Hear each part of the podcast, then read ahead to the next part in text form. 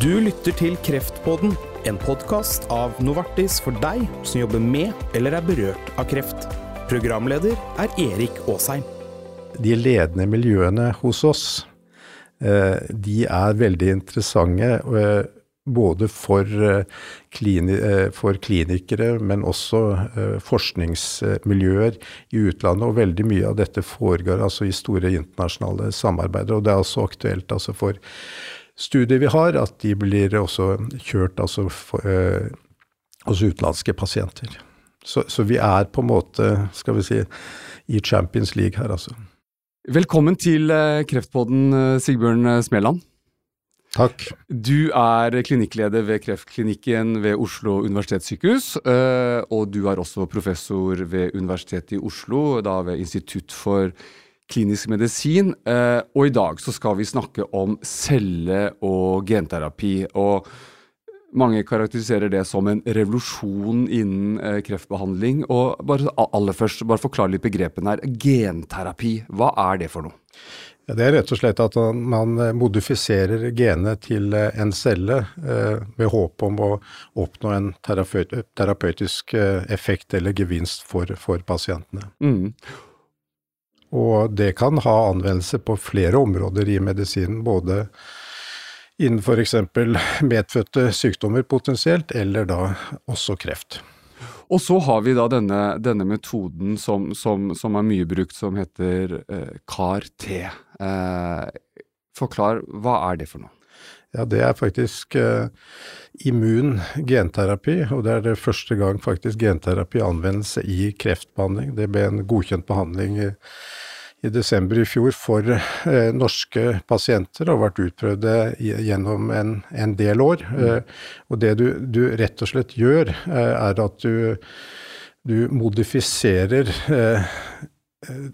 lymfocytter, hvite blodlegemer, såkalt T-lymfocytter, hos pasientene, slik at de spesifikt kan angripe kreftceller. Det er så T-cellene som vi også kaller det? ikke sant? Det er T-cellene. Ja, og da er det denne metoden bruker da pasientens eget immunforsvar for å bekjempe kreften. Er det ja, for enkelt å si det sånn, eller ja, er det og så må det noe mer til. Ja, Hva mer må til?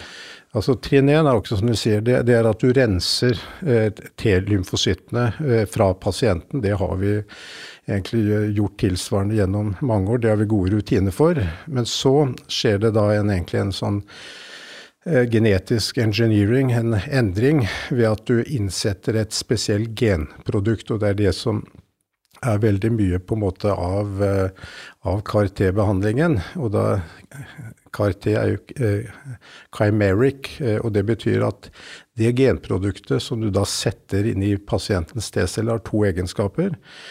Det er en på celleoverflaten som gjør at den binder spesifikt til eh, kreftceller, og det andre er at det har et aktiveringsområde inne i T-cellen som gjør at T-cellen angriper den kreftcellen som den er bundet til. Akkurat, så Du må på en måte manipulere en T-celle, eller du må, du må Altså, den tas da ut, og måtte, det, gjør, det, gjør, man i laboratoriet, ikke sant? Helt at man jobber med det? Ja? Så, så konkret for de pasientene som vi behandler, så høster vi da T-celler, som det heter, fra pasientene på Radiumhospitalet. Og så sender vi dette skal vi si, blodproduktet, T-celleproduktet, nå til et laboratorium i USA, der hvor da denne genetiske endringen av T-cellene, hvor du setter inn dette genproduktet, som jeg sa. Mm. Og så kommer da det ferdige genproduktet, hvor det er på en måte et T-celle som er ladet, om du skal si et folkelig ord, til å ta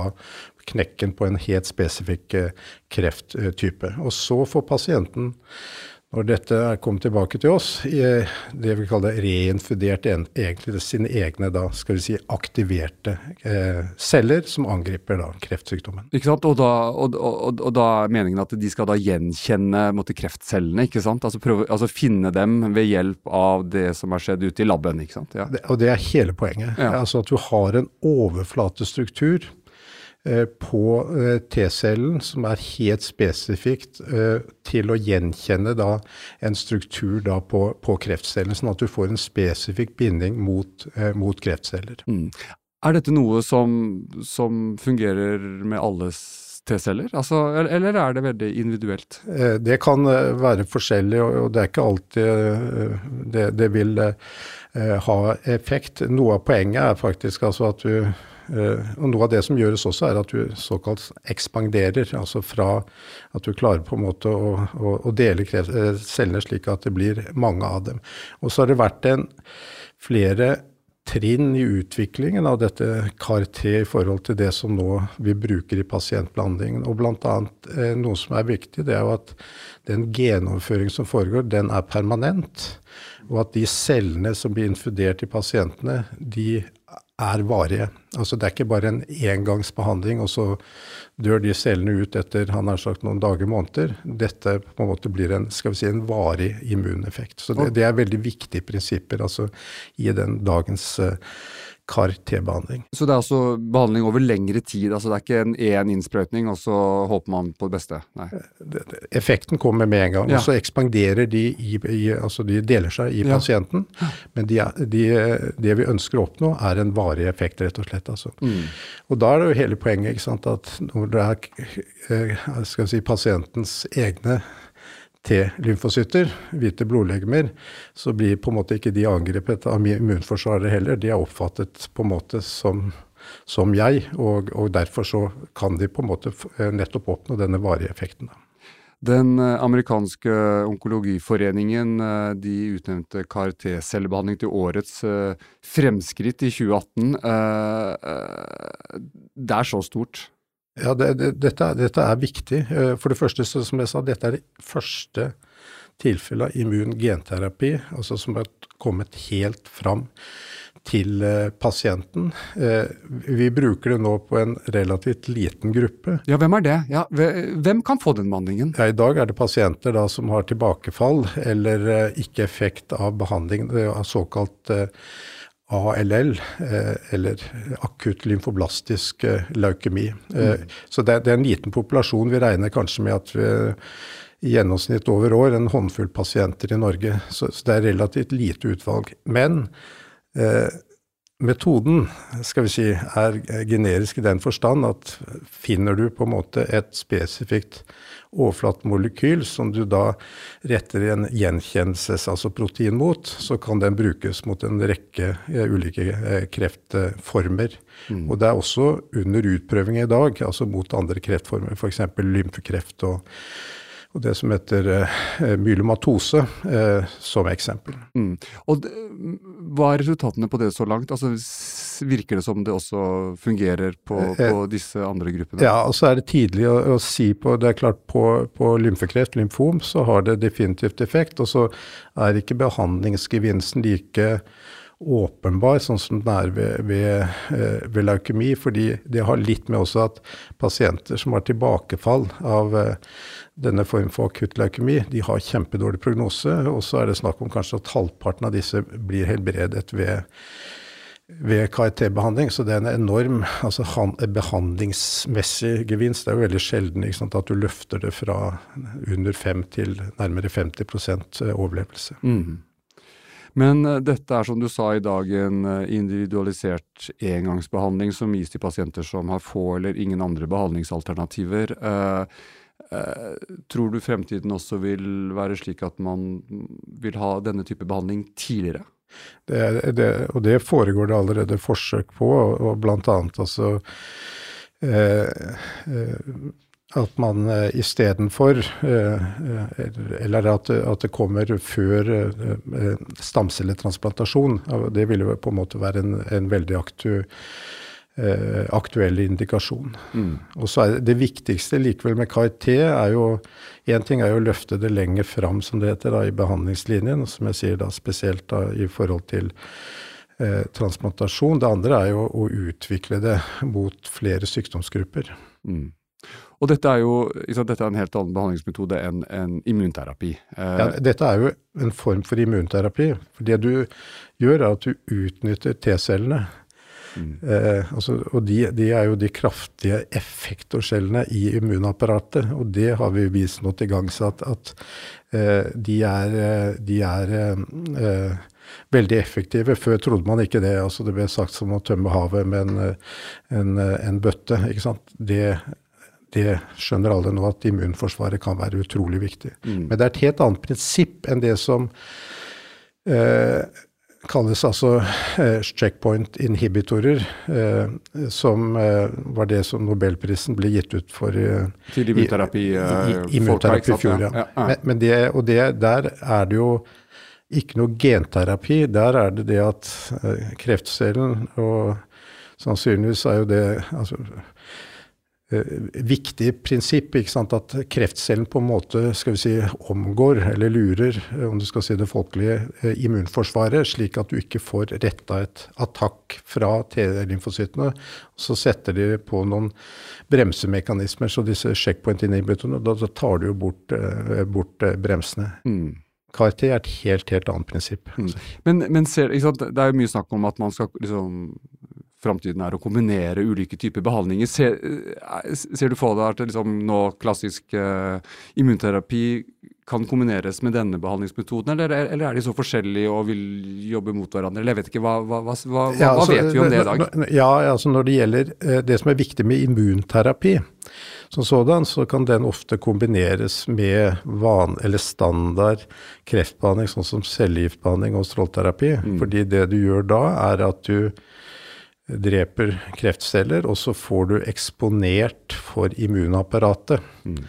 Eh, skal vi si kroppsfremmede proteiner som gjør at du kan sette i gang en immunrespons. Og da vil f.eks. sånne såkalte checkpoint inhibitorer, mm. signalhemmere, vil da være eh, sannsynligvis i Eller det ser vi i synergi da, mm. med, med tradisjonell immunterapi.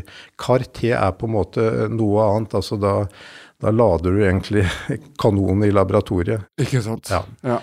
Og de må lades uh, alene. ikke sant? Ja, blande, du må ikke blande ammunisjonen her, rett og slett? Nei, og, og da har du altså det, Dette er veldig avansert genterapi, rett og slett. altså så tradisjonell, Eller annen immunterapi er jo ikke genterapi, dette er immungenterapi. Og, uh, og er som sagt uh, veldig effektivt. Utfordringen nå er jo at det er til nå på en måte kun indisert altså for eh, en veldig eh, i den store sammenheng veldig få pasienter. ikke sant? Dette er aktuelle for oss. Og så foregår det mye klinisk utprøving. Mm. Og så er det jo ekspertisen må jo også finnes. altså den finnes, uh, altså her, Det er jo en spisskompetanse her av dimensjoner som man må ha for å, for å gjøre dette vel. Jeg vet ikke, det er, det er ikke noe alle sykehus har. Dette er Foreløpig så er det jo bare Oslo universitetssykehus som gjør dette i, i, Norge. Og det har noe med altså at du må ha et, vi si, en komplett behandlingskjede og uh, høy kompetanse i flere ledd. Det gjelder jo både som jeg sa, de, de, som skal da høste disse cellene. Det er også det miljøet som skal har ansvar for pasientbehandlingen. og så er det også forbundet veldig klare altså, eh, risikoer altså, eh, ved KRT-behandling som gjør at du må ha på en måte et veldig kompetent eh, overvåkningsmiljø for disse pasientene. Ja, Hva er risikoen egentlig? Altså, for det å liksom tukle med immunforsvaret er jo noe av det ja, mest krevende man gjør. Ja, og, og, og, og det, det, det, så man jo på første pasient, eh, faktisk pasient nummer én også, som er, er ganske kjent, at uh, man fikk såkalt cytokin. Altså, hva, hva, betyr det?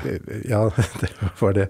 det, det er frigjøringer av signalstoffer som gjør på en måte at, uh, at uh, du får en skal vi si et, et, bilde som kan sammenlignes litt klinisk, f.eks. Altså med, med en, en blodforgiftning. Altså, okay. Hvor du får en kollaps altså av flere ja organsystemer, og som er livstruende. Og så går det an spesifikt å håndtere det ved at du kan slå av den kaskaden. Mm. Så har du det stoffet på en måte i skuffen, og du veit på en måte signalene for det, så går dette bra. Mm. Men det er noe med det at her må du ha et kompetent altså miljø som vet altså når dette kommer, og hva du skal gjøre når det kommer, og da går det bra. Mm. Og dette er også ting man kan ofte vite på forhånd, om pasienten tåler eller, eller, eller, eller vet man ikke alltid det? Nei, nei. nei dette er i forløpet, ja. ikke sant. Mm. Så kan du se, det er noen pasienter som har større eller mindre risiko for det, det er helt klart, og, og de som har veldig mye kreftsykdom, som det ofte vil være ved tilbakefall av akutt uh, leukemi, de har en større risiko uh, for det, f.eks. Altså, det har rett og slett med det at du får så veldig mye celledrap, altså uh, at kreftcellene dør når du da reinfuderer disse uh, ladede T-lymfocyttene. Mm. Enorme bivirkninger, eller hvordan er det? Nei, dette er akutte Ja, Ja. Det, det er akutte, Det er akutte, men ikke- bivirkninger. Ja. Og så håndteres det, og så slår du av på en måte disse signalene, slik at kaskaden stopper, og så er det kontrollert ut. altså. Mm. Men, og, og det, har, det er knytta til en akutte, altså hvor, eh, hvor, eh, hvor kreftcellene dør, rett og slett. Nettopp. Ja. Men du nevnte at dette er jo for veldig få, få mennesker foreløpig. Eh, eh, er det også fordi det er kostbart? Ja, altså Prisen er en utfordring. Ja. Eh, og det ser vi, ikke sant, at eh, så er dette et godt eksempel for så vidt. altså Prisen er jo veldig høy på KRT-behandling, men effekten er så veldig stor. og Derfor er det innført i Norge. Så, så det er jo ikke prisen som bestemmer, men det er pris i forhold til nytte. Og dette er jo nytte for pasientene. Men som, som sagt, anvendelsen til nå er jo, er jo, er jo veldig begrensa. Og eh, han har sagt for, ved indikasjoner hvor behandlings eller nytten for pasienten er mer begrensa, så vil det ikke være aktuelt ikke sant, å innføre KRT-behandling. Men der nytten er stor, da snakker vi da bare om, om, om, om flere års lengre levetid, eller snakker vi om at også at man blir frisk? Eh, vi har jo forhåpninger at pasienten blir frisk. Det har litt med det jeg sa, altså at her er det på en måte en varig effekt faktisk man ønsker å oppnå. Man ser også at pasienten har disse KRT-cellene eh, i blodet. Eh, og når du ser på de kliniske forsøkene som er gjort, så, så er det f.eks. ved akutt eh, leukemi, da, den formen som dette brukes ved, så ser du det at ca. halvparten har nytte av av, av, behandlingen, og så flater overlevelseskurven ut. Altså, sånn at, eh, så har vi ikke fulgt pasientene i så mange år. Nei, det er for nytt ennå. Ja. ja, det er for nytt ennå. Vi kan være helt sikre på at det er overlevelse, men det er veldig lite som skjer på en måte etter noe tid. Og det er jo på en måte tyder på at dette gir faktisk en, en, en kurasjon for pasientene. Hei, jeg heter Anita Fredriksen. Og jeg er Anita Henriksen. Så fint at du lytter til Kreftpodden. Denne podkasten er et initiativ fra Novartis for å fremme kunnskapsdeling og faglige diskusjoner innen fagfeltet onkologi. Den er ment for deg som jobber med eller er berørt av kreft. Vi spiller stadig inn nye episoder for å kunne utvikle podkasten med dagsaktuelle tematikker. Følg med og abonner på Kreftpodden, så blir du varslet når det kommer nye episoder. Du hører på Kreftpodden. Jeg heter Erik Aasheim, og dagens tema er celle- og genterapi, som omtales som banebrytende for dagens og fremtidens kreftbehandling. Og Sigbjørn Smeland, klinikksjef ved Kreftklinikken på Oslo universitetssykehus. Det er jo noen dilemmaer da, knyttet til innovative behandlingsmetoder. Legemiddelverket bruker jo å regne kost-nytte av nye legemidler på markedet. så Dilemmaet er jo at teknologien går i rasende tempo, og dermed er dataene som dokumenterer den langsiktige gevinsten av legemidlene, ikke til stede. Hvordan skal man løse dette? Det er noe sånn overordna. Så det første så mener jeg at randomiserte studier er det viktigste. Mm. Og det må fortsatt altså vi, vi, kan ikke forlate det. Det, det er en, et veldig eh, altså, overordna viktig eh, prinsipp. Eh, og så er, gis det noen muligheter, og, og, det er ikke alltid at det er tilstrekkelig av litt ulike grunner. Også det at pasientgruppene kan være veldig små, slik at det å få til en randomisert studie som gjennomgående mm. krever mange hundre pasienter, kanskje 1000 pasienter, er helt, helt umulig, rett og slett. Men da har vi jo muligheter til å følge opp pasientene, og det ser vi jo veldig klart i Norge, altså med de spesielt altså kreftregisteret og den befolkningsoversikten og muligheten altså for å følge livslang oppfølging, det er egentlig veldig få land i hele verden. Egentlig bare de nordiske land som faktisk har den, den muligheten. Mm. Ja, for Hvilken rolle har Norge hatt uh, i utviklingen av denne behandlingsformen? Altså, da snakker vi om celle- og genterapi. Altså, er, ligger vi litt i tet der, eller hvordan ja, jeg, vil jo si det at én uh, ting er at uh, Oslo var jo tidlig ute i Europa også i forhold til KRT-behandling, fordi vi, vi, har, vi, var tidlig med på de kliniske utprøvningene. Og vi hadde kompetansemiljø både på klinisk side og også har, vi det på forskningssiden. Og det, det, er jo det neste, er at vi har jo et veldig eh, Eh, skal vi si, avansert eh, internasjonalt ledende eh, forskningsmiljøer innen immunterapi. Og det, det, er jo en tradisjon vi har, og som selvfølgelig da med den utvikling og interesse som nå er for immunterapi, så er jo det en veldig, veldig styrke. på en måte altså At vi hadde egentlig kompetansen, miljøene, teknologien in house når dette feltet på en måte åpna seg så veldig tydelig som for en fem fem pluss år siden. Mm. Hvordan ser du at dette kan være med å bygge opp norsk, eh, norsk helsenæring? Altså, vi, vi, har jo store forhåpninger til det, og det som skjer nå, altså ved eh, ved eh, utvikling skal vi si, av nye, eh, nye behandlingsprinsipper, så, så, skjer det veldig mye nå i samarbeid eh, mellom de ledende eh, akademiske eh, institusjonene. Det er ikke sånn som det var før, f.eks. at farmasøytisk industri hadde store labber hvor de skal vi si, skrinet aktuelle medikamenter. Nå skjer det en helt annen dynamikk mellom eh, ledende akademiske Eh, miljøer, og da interessenter da som bringer eh, produktet videre fram. Og det er faktisk ganske viktig at det er først når det på en måte er en, skal vi si, ikke bare en innovasjon, men et produkt, og at det er markedsført, at det er tilgjengelig for pasientene. Så det er faktisk utrolig viktig.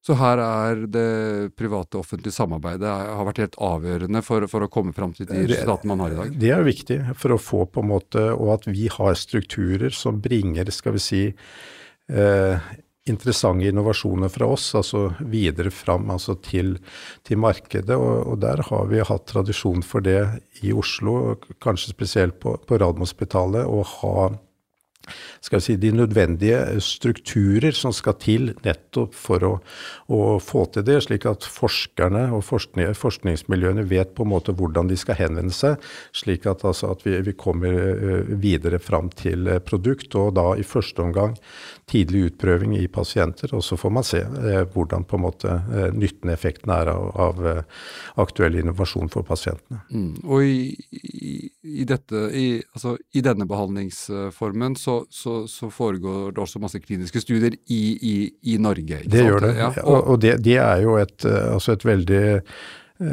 ja, eh, ledende miljø, og det er ulike på en måte strategier som vi anmeld, eh, anvender, rett og slett. Og vi har et veldig samlet sett et veldig bredt fagmiljø, og vi bruker ulike skal vi si, hovedretninger innen, innen immunterapi, også kombinasjoner. Og vi har i dag ganske mange pågående altså studier innen, innen i, immunterapi. og uh, apropos tilbake til det med CAR-T og muligheten til å gjøre genetiske modifikasjoner. Eh, det gjelder ikke bare CAR-T, men det er også det som er altså T-cellereseptor, som kanskje, eller som er nok er enda mer anvendelig vil potensielt kunne eh, endre mye av kreftbehandlingen videre. Det er for tidlig å si nå hva det konkret blir, men det er klart at dette er jo veldig veldig interessant. Hva tror du da, hvis du ser litt inn i krystallkulen? Hvordan ser det ut om ja, jeg, ti år, eller fem år? Ja, ikke sant. Det der er jo alltid vanskelig. Jeg kan nesten ikke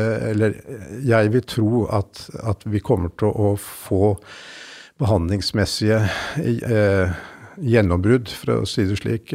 Utfordringen med dette er jo at eh, det med, og det gjelder jo immunterapi generelt. altså Du, du balanserer på en stram linje, eh, line. Og det har med at eh, altså Immunapparatet er veldig greit. Det er jeg og ikke jeg. Og så tar du livet av ikke jeg, og så på en måte skal du eh, da for all del skåne jeg. Mm. Og, og, noe av det immunterapi som prinsippet er, er at kreftcellen på en måte er blitt oppfatta som jeg. Og så gjør vi en eller annen intervensjon, og så blir det ikke jeg. Det som er da risiko, er at vi, måten vi gjør dette på, er at du angriper normalvev. Mm. Så, så, dette er jo en delikat på en måte balanse, og det må prøves ut. På en, eh, skal vi si, en veldig standardisert, nøye måte før på en måte det kommer helt fram til pasientene, og eh, ikke minst altså i standard, standardbehandling. Du du ja, så du du, er, du ganske sikker på at uh, om noen år så vil denne uh, altså celle- og genterapi bli brukt på langt flere uh, grupper enn en i dag. Det er ganske sikkert. Ja, det er veldig klar forhåpning om det, faktisk. Altså. Ja. Ja. Mm. Fordi vi er egentlig i startfasen, og det er veldig mange så kunnskapen og teknologien er så stor altså at det er, det er, veldig mange spor som skal følges, men det er ganske mye arbeid som skal gjøres. Og at ikke det resulterer på en måte i noen behandlingsmessige gevinster, eh, det ville være usannsynlig, syns jeg. Mm. Så dette er, dette er, veldig spennende og veldig ekspansivt eh, område innen kreftbehandling. Du nevnte at det gjøres flere kliniske studier eh, i, i Norge på, på celle- og genterapi. Eh, hva har utlandet lært av oss? Ja, det, det må du nesten spørre, spørre utlandet. Men, men, det jeg kan si, er at de ledende miljøene hos oss, eh, de er veldig interessante. Eh, både for, eh, klini, for, klinikere, men også forskningsmiljøer i utlandet. Og veldig mye av dette foregår altså i store internasjonale samarbeider. Og det er også aktuelt altså for studier vi har, at de blir også kjørt altså, for, eh, hos utenlandske pasienter. Så, så, vi er på en måte, skal vi si, i Champions League her, altså. Tre ting å ta med seg fra denne samtalen. For det første så er det da tydelig eksemplifisert med KRT at cellulær immunterapi er effektiv i behandling av kreft. En utfordring til nå er at det er veldig få, for veldig få pasienter denne behandlingen i dag er standardbehandling. Punkt tre er at vi har så mye kunnskap, eh, eh, kompetanse og teknologi slik at, og potensialet er så stort at det er etter min vurdering usannsynlig at dette ikke vil føre til behandlingsmessig gjennombrudd for cellulær immunterapi i årene framover. Takk til deg, Sigbjørn Smeland, professor og klinikksjef ved Kreftklinikken på Oslo universitetssykehus. I den neste episoden av Kreftpodden skal vi snakke om melanom, eller føflekkreft som mange også kaller det. For Norge er i verdenstoppen av forekomst av melanom, og hvorfor er det slikt? Og hva skjer innen forebygging og behandling av melanom i Norge? Da får jeg besøk av eh, Oddbjørn Straume. Han er overlege ved onkologisk avdeling ved Haukeland sykehus, og også professor for eh, Institutt for eh, indremedisin ved Universitetet i Bergen. Jeg heter Erik Aasheim. Vi høres i Kreftpodden.